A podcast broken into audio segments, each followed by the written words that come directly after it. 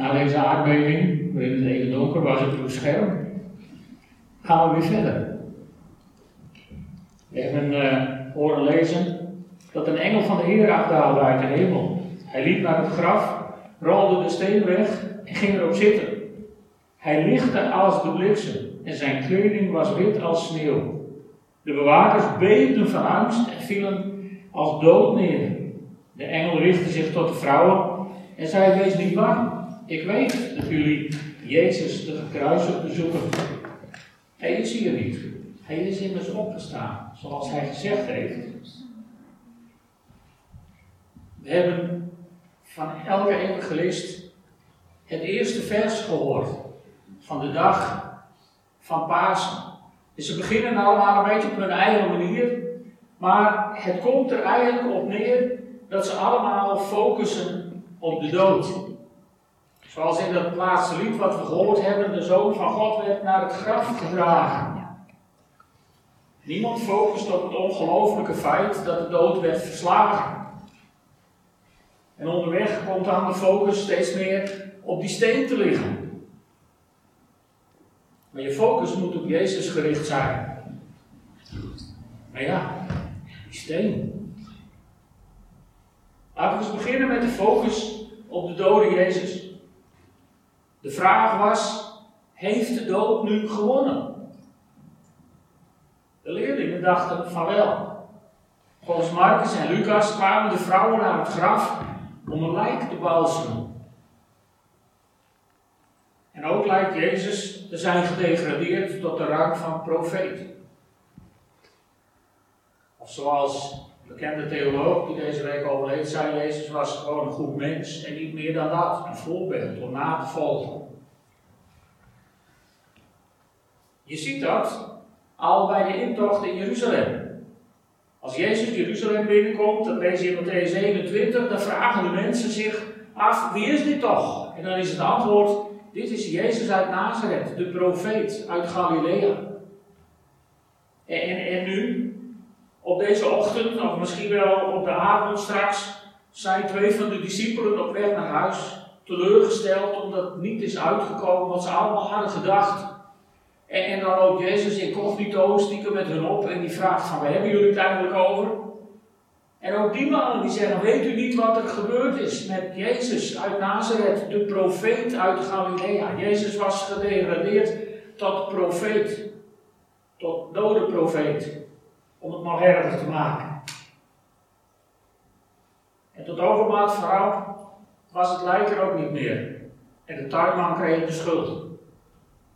Nou, dan is de ellende wel compleet, zou je zeggen. En, en als je focus in je leven niet verder gaat dan de dood van Jezus, dan de dode Jezus, dan, dan doen zich allerhande problemen voor in je leven. De vrouwen zijn op weg naar het graf en het lijken wel mensen van onze tijd. Als ik dit lees, dan denk ik van volgens mij hebben ze een probleemgestuurde onderwijs gehad. Want ze zien allemaal apen en beren. En, en het mooie vind ik dan, het lieve van God, is dat hij die problemen niet kleineert. De Bijbel maakt het niet belachelijk waar ze het over hebben. Want plotseling herinneren ze zich, oh ja, er ligt ook nog een steen voor het graf. Zo kun je zelf soms ook aan problemen herinnerd worden die er zijn. Maar de Bijbel doet daar niet kinderachtig over. Integendeel, het wordt heel serieus genomen. Als je Marcus 16, vers 4 leest, dan staat daar in de NBV: het was een hele grote steen. En, en, en de Friese Bibel, die zegt het zo: het een hele rundingen om het maar even goed tussen je oren te krijgen. Het was niet niks.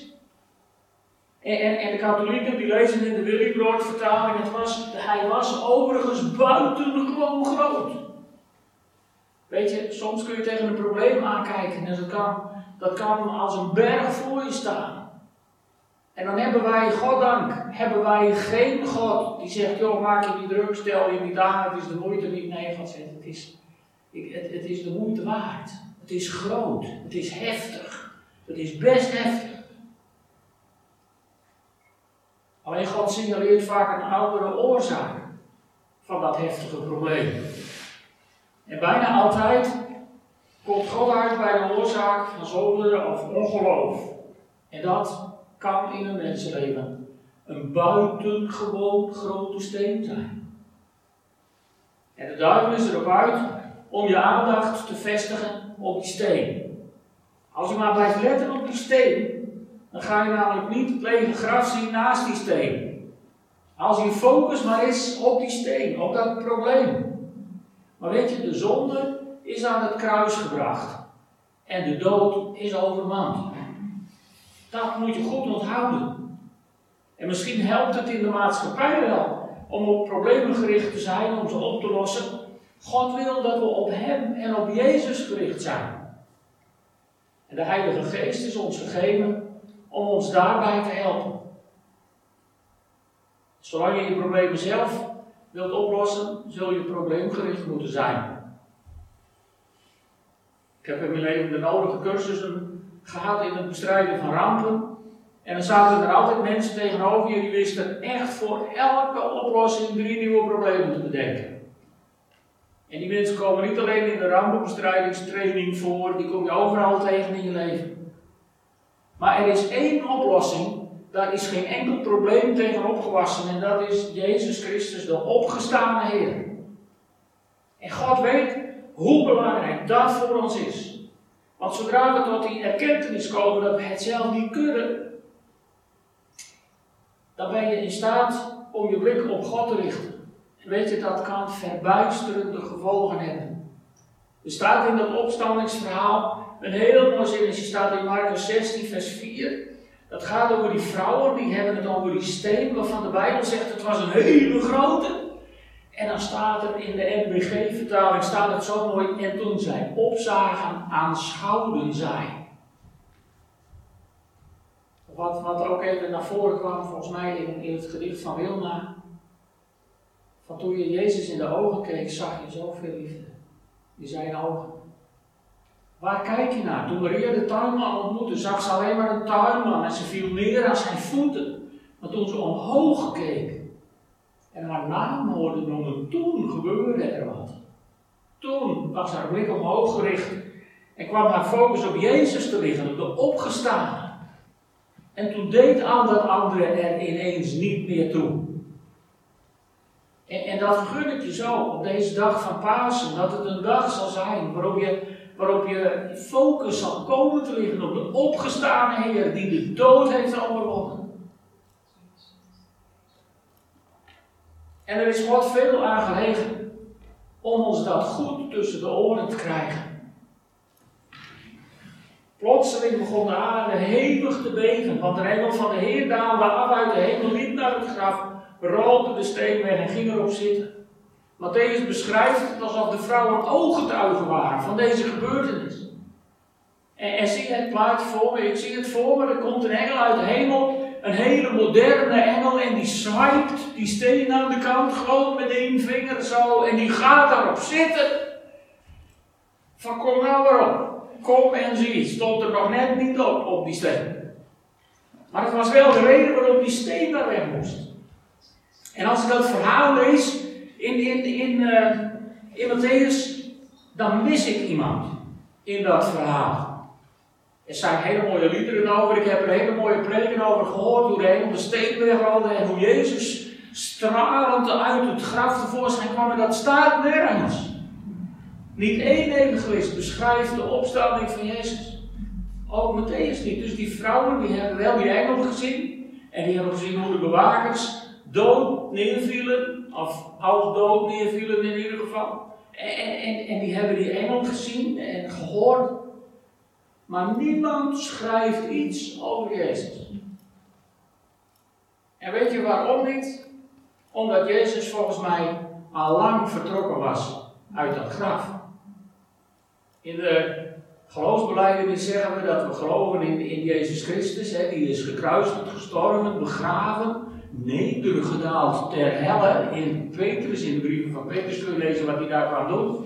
En, en, dat hij is opgestaan. Jezus was bezig met zijn ding. En ik geloof dat Jezus, net als iedere overledene, tenminste dat geloven wij, dat iedere overledene meteen overgaat naar de heerlijkheid van God. En ik geloof dat Jezus overging naar de heerlijkheid van God op het moment dat hij stierf. Alleen zijn lichaam hebben ze in het graf gelegd. Maar voor Jezus hoefde die steen daar niet weg. Waarom dan toch die steen weggezwaaid voor het graf? Ik zal het je vertellen, voor jou en voor mij. Wat wij moesten met eigen ogen kunnen zien. Dat het graf leeg was.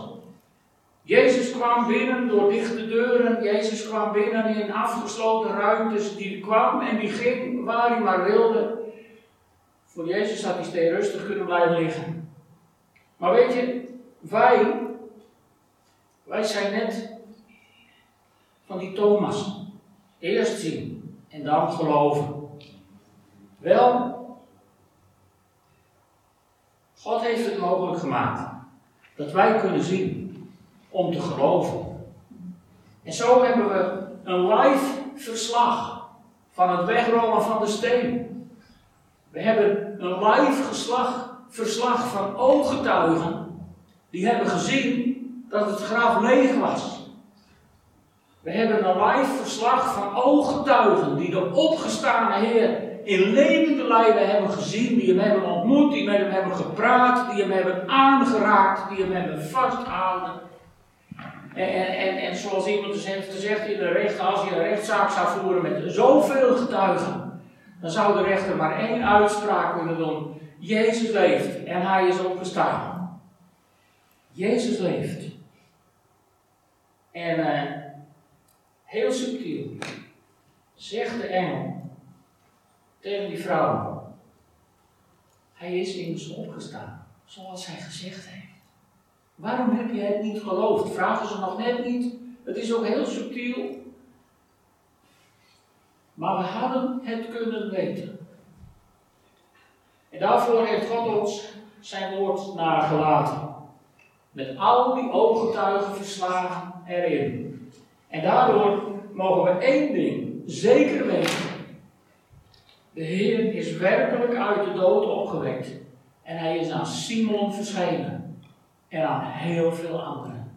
Jezus leeft. Halleluja. Amen.